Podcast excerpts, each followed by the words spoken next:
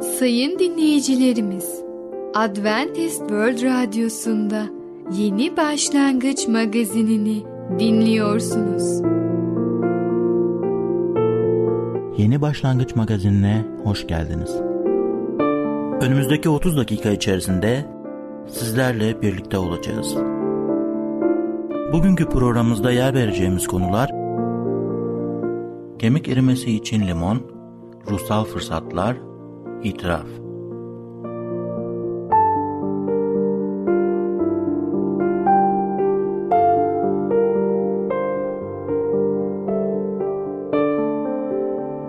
Adventist World Radyosu'nu dinliyorsunuz.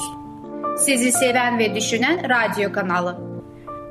Sayın dinleyicilerimiz, bizlere ulaşmak isterseniz e-mail adresimiz radio.umutv.org radio.umutv.org Bizlere WhatsApp yoluyla da ulaşabilirsiniz. WhatsApp numaramız 00961 357 997 867 06 00961 357 997 867 06 Şimdiki konumuz itiraf. Gizlilik kurallarını ihlal etmeli miyiz? Merhaba değerli dinleyicimiz. Başarılı Yaşam programına hoş geldiniz. Bugün sizlere itiraf hakkında konuşacağız. Biliyorsunuz biz insanlar olarak Allah'ın kelamını okuyunca bir itiraf söz konusu oluyor. Neleri itiraf etmeliyiz de soruyu soracağız. Biz kusurlu insanlar her gün düşüncesizce davranarak ya da konuşarak birbirimize karşı günah işliyoruz. Allah'ın kelamı Romalar 3.23'te de ne diyor biliyor musunuz? Çünkü hepsi günah işledi. Anlıyoruz ki hiç kimse Tanrı'nın yücelliğini yansıtamadı. Çünkü biz günahkarız.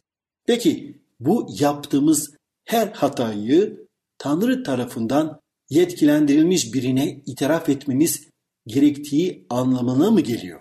Öyle bir şey var mı kelam? İşlediğimiz her günah Tanrı'yı üsse de o merhametlidir ve hatalarımız miras aldığımız kusurluluktan da bir kısmı en azından kaynaklandığını hesaba da katıyor. Mezmur yazarı da bunu şöyle dile getirdi. Zebur kitabında Mezmur 130, 3 ve 4. ayetler şöyle diyor.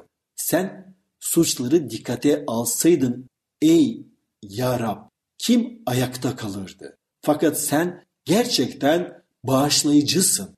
Öyle ki senden korkulsun. O halde istemeyerek de olsa başkalarına karşı hatalar yapıp günah işlediğimizden ne yapmalıyız? O zaman İsa'nın takipçilerine öğrettiği örnek duada şu ricayı da hatırlayalım. Luka 11 4. ayette şöyle diyor. Günahlarımızı bağışla biz de bize karşı günah işleyen herkesi bağışlarız. Evet Tanrı eğer ona dua eder ve İsa'nın adıyla bağışlanma dilersek o zaman yüce yaratan bizi bağışlayacak. Ancak bağışlanmanın şartı İsa'nın dediği gibi bize karşı günah işleyen kişileri bağışlamamızdır. Elçi Pavlus iman kardeşlerine şunu hatırlattı. Efesler 4.32'de bunu görüyoruz. Birbirinize karşı iyi ve şefkatli davranın. Tanrı size Mesih aracılığıyla gönülden bağışladığı gibi siz de birbirinizi gönülden bağışlayın. Biz başkalarının hatalarını bağışlarsak Tanrı'dan da bizim hatalarımızı bağışlamasını bekleyebiliriz değil mi? Peki hırsızlık, kasten yalan söylemek, cinsel ahlaksızlık ve sarhoşluk gibi ciddi günahlar söz konusu olduğunda bağışlanma bekleyebilir miyiz? Böyle bir günah işleyen kişi Tanrı'nın kanununu çiğnemiş, dolayısıyla Tanrı'ya karşı günah işlemiş olur. Bu durumda ne yapılmalı? Günahlar kime itiraf edilmeli? Tanrı kendisine karşı işlenmiş günahları affetme yetkisini insanlara vermemiştir. Bunu sadece kendisi yüce yaratan yapabilir. 1. Yuhanna 1. bölüm 9. ayete. Günahlarımızı itiraf edersek Tanrı güvenilir ve doğru olduğundan günahlarımızı bağışlayıp bizi her kötülükten arındıracaktır.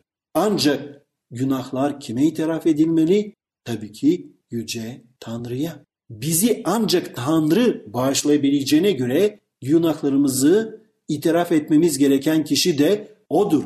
Gördüğümüz gibi Davut da böyle yaptı. Peki Tanrı bizi neyi göre bağışlar? Kutsal kitap şunu der. Efesler 3.19'da. Günahlarınızın silinmesi için tövbe edin ve dönün ki Tanrı'nın elinden bir ferahlık dönemi gelsin. Evet, bağışlanmamız sadece günahımızı kabul edip itiraf etmemize değil, o yanlış davranış yapmaktan vazgeçmeye istekli olmamıza da bağlıdır. Bunu yapmak çoğu kez zor olsa da bize yardım edebilecek kişiler var. Öğrenci Yakup'un şu sözlerini tekrar bakalım. Birbirinize günahlarınızı açıkça itiraf edin ve birbiriniz için dua edin ki iyileşesiniz. Yakup devamen doğru bir insanın yakarışı etkili sonuçlar verir diyor. Doğru bir insan Yakup'un 14. ayette sözünü ettiği kilise ihtiyarlarından biri olabilir. Cemaatte yani toplulukta Tanrı tarafından bağışlanmak isteyen kişilere yardım etmek üzere tayin edilmiş ihtiyarlar yani ruhen olgun erkekler vardır. Tabi hiçbir ihtiyar günahları bağışlayamaz. Çünkü hiç kimse Tanrı'ya karşı işlenen bir suçu bağışlama yetkisine sahip değildir. Bununla birlikte onlar ciddi bir günah işlemiş kişiye yanlışın gösterip onu düzeltmeye günahın ciddiyetini ve tövbe etmesinin gerekli olduğunu göstermeye yeterli durumdadır. Günahlar neden itiraf edilmeli diye sorarsınız. Bir günah büyük ya da küçük olsun kişinin hem insanlara hem de Tanrı'yla ilişkisini bozar. Sonuç olarak kişi kendini mutsuz ya da kötü hissedebilir. Bunun nedeni yaratıcımızın verdiği vicdan yetisidir. Romalılar 2. bölüm 14 ve 15. ayette yasaya sahip olmayan milletlerin insanları onun gereklerini doğal olarak yaptıklarında yasaya sahip olmadıkları halde kendi kendilerine bir kanun koymuş oldular. Peki bu durumda biz ne yapacağız? Ve bir insan ne yapacak? O tabii ki bildiği kadarıyla Allah'ın kelamını, Allah'ı bildiği kadarıyla o bilgiye göre yaşamalı. Ve sadece teori olarak değil, pratik hayatta Tanrı'nın sözünü, Tanrı'nın emirlerini, buyruklarını yerine getirmeli. Ve ona göre yaşadığı zaman eğer günah işlerse günahlarını da tövbe edip itiraf ettiği zaman, günahlı yolundan döndüğü zaman ve artık günah işlememek için en iyisini yapıp ona göre yaşamaya devam ettiği zaman biliyoruz ki Rab bu tarz insanları bereketleyecek. Onların günahlarını silecek, onları affedecek. Değerli dinleyicimiz, bugün itiraf hakkında konuştuk. Bir sonraki programda tekrar görüşmek dileğiyle, hoşçakalın.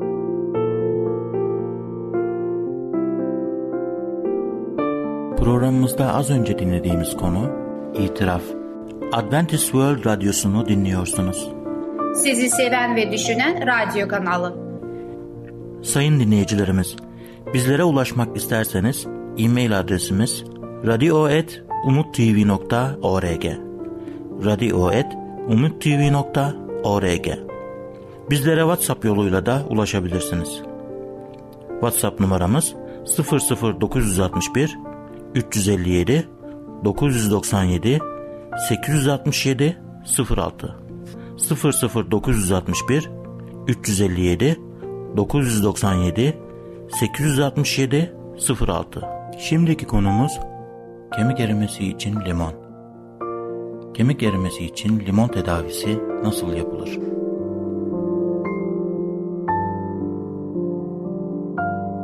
Merhaba sayın dinleyicimiz. Ben Fidan. Yeni başlangıç programımıza hoş geldiniz.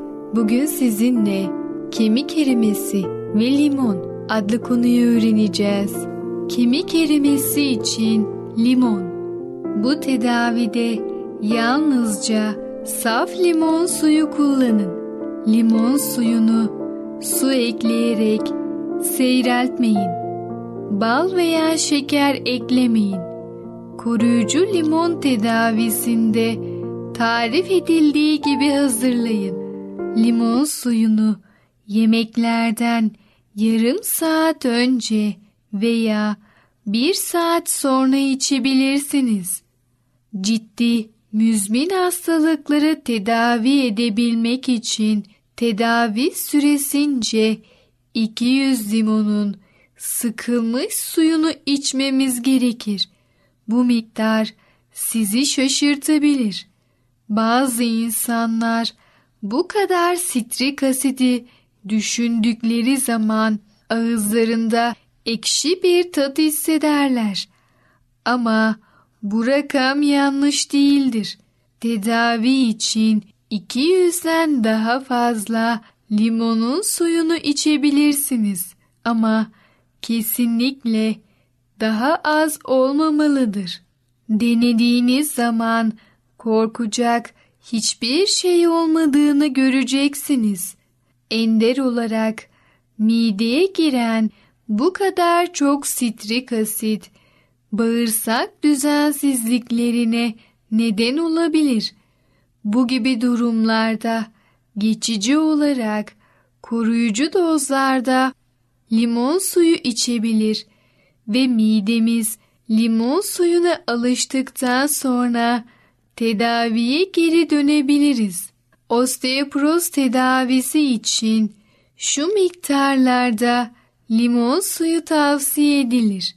Birinci ve on ikinci gün 5 limonun suyu, ikinci ve on birinci gün 10 limonun suyu, üçüncü ve onuncu gün 15 limonun suyu, dördüncü ve dokuzuncu gün 20 limonun suyu, 5, 6, 7 ve 8. günler 25 limonun suyu. Böylece 12 günde toplam 200 limonun suyu içilmiş olur. Günlük miktar bölünerek birkaç kere de içilmelidir. Bazı insanlar 5, 6, 7 ve 8. günlerde içilmesi gereken yaklaşık 1 litre limon suyu karşısında dehşete düşüyor.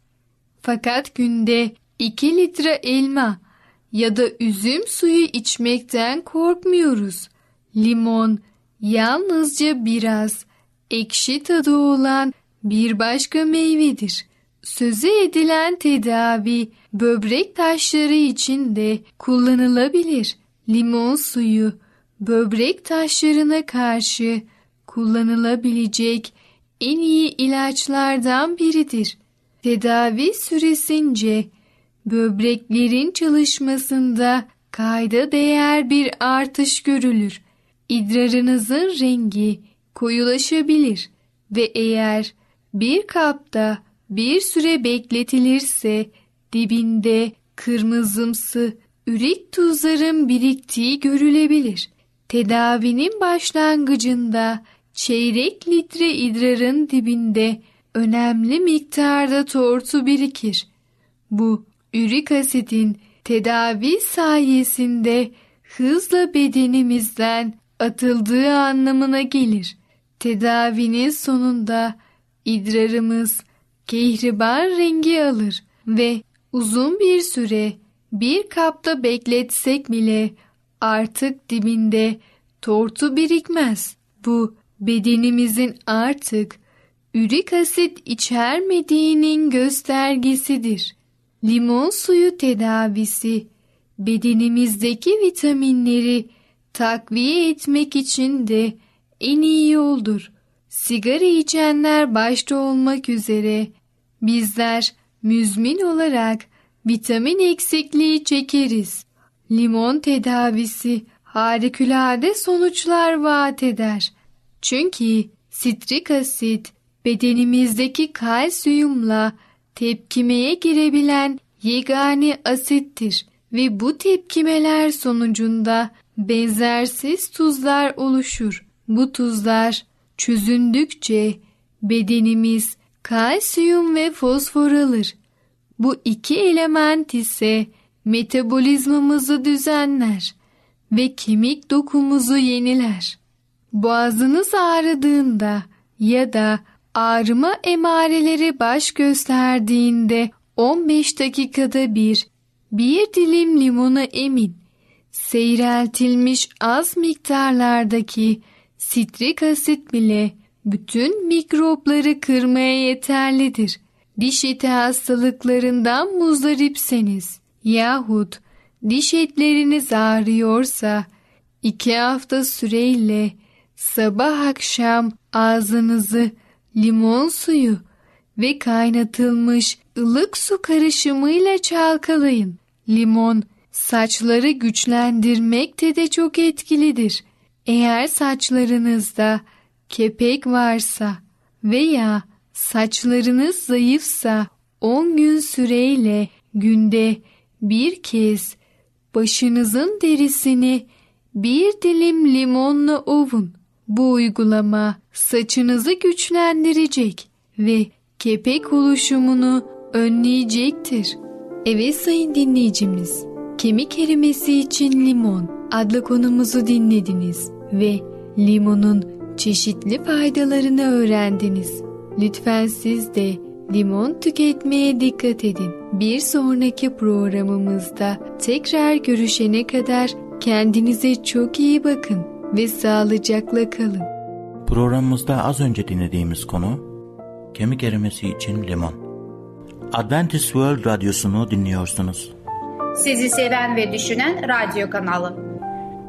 Sayın dinleyicilerimiz, bizlere ulaşmak isterseniz e-mail adresimiz radio.umutv.org radio.umutv.org Bizlere WhatsApp yoluyla da ulaşabilirsiniz. WhatsApp numaramız 00961 357 997 867 06 00961 357 997 867 06 Şimdiki konumuz ruhsal fırsatlar. Bir babanın en büyük başarısı ve başarısızlığı nedir? Sevgili dinleyici merhaba. Ey Babalar programıyla sizinle birlikte olmaktan çok mutluyum ben Ketrin. Size bugün konuşmak istediğim konu hakkında ruhsal fırsatlar. Bir baba olarak en büyük başarınız ve başarısızlığınız ne olduğunu düşünüyorsunuz. Ne kadar önemli bir soru. Öyle değil mi? Çocuklarınız büyüdükten sonra birisinin size bu soruyu sorduğunu varsayalım. Sizi en çok tatmin eden şey çocuklarınızın fiziksel ihtiyaçlarını sağlamış olmanız ve en büyük pişmanlığınız da bunları onlara sağlamamış olmanız mı olacaktır? Büyük bir ihtimalle böyle olmayacaktır. O zaman ne olacak? Onlara sosyal hayatlarında öğrenmelerine ya da mesleki eğitimlerinde neler sağladığınızı mı düşüneceksiniz? Etkinliğinizi onların üzerindeki başarısı ya da başarısızlığa mı ölçeceksiniz? Eğer ciddi bir babaysanız aklınıza hemen gelecek şeyler bu geçici konuların çok ötesinde olacaktır. Bir süre düşündükten sonra mutlaka ruhsal çizgiye sahip şeylerden söz edersiniz. Sizi mutlu ya da mutsuz eden etkinler çocuklarınıza Rabbi tanımaya ne kadar iyi ya da kötü öğrettiğiniz olacaktır. Neden mi? Çünkü hem sizin hem de onların hayatları sonuna erdiğinde gerçekten önemli olan başka hiçbir şey kalmayacaktır. Yeryüzüne ait zenginliklere sahip olsalar bile yüksek yerlere gelseler ama en önemli şey olan Allah'ın egemenliğine girmezlerse bunlar ne işe yarar? Yeryüzüne ait başka bir açısıyla baktığımızda önemli görünen şeyler sonsuzluğun uzunluğu ve imalarıyla karşılaştığında solacaktır.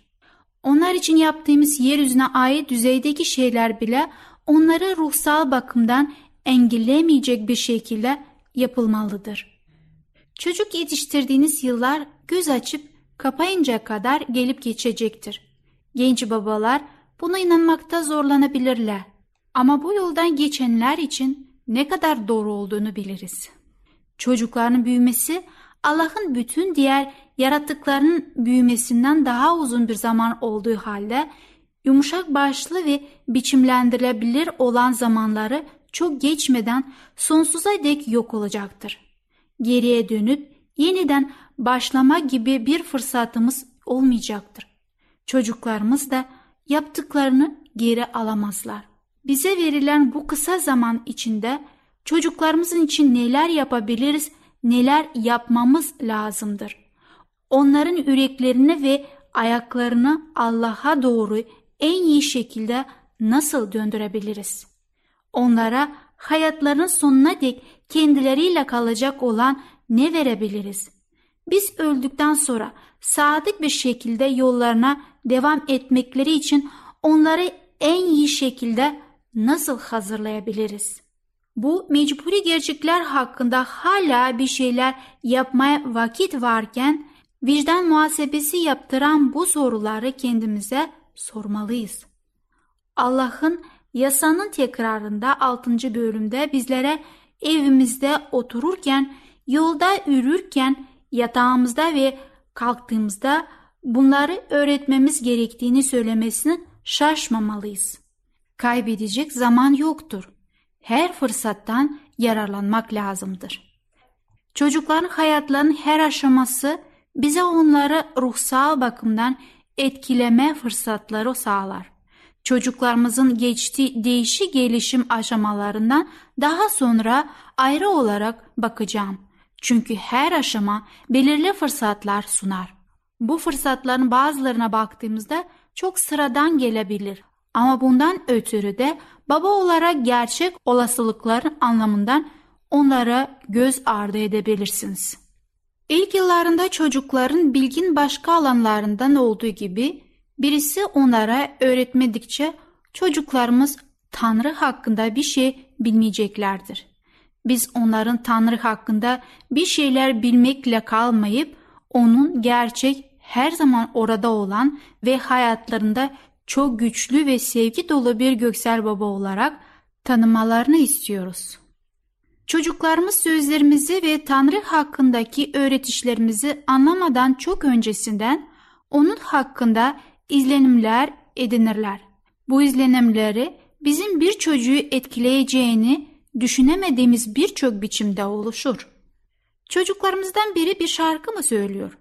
Söylediği şarkı ne hakkında?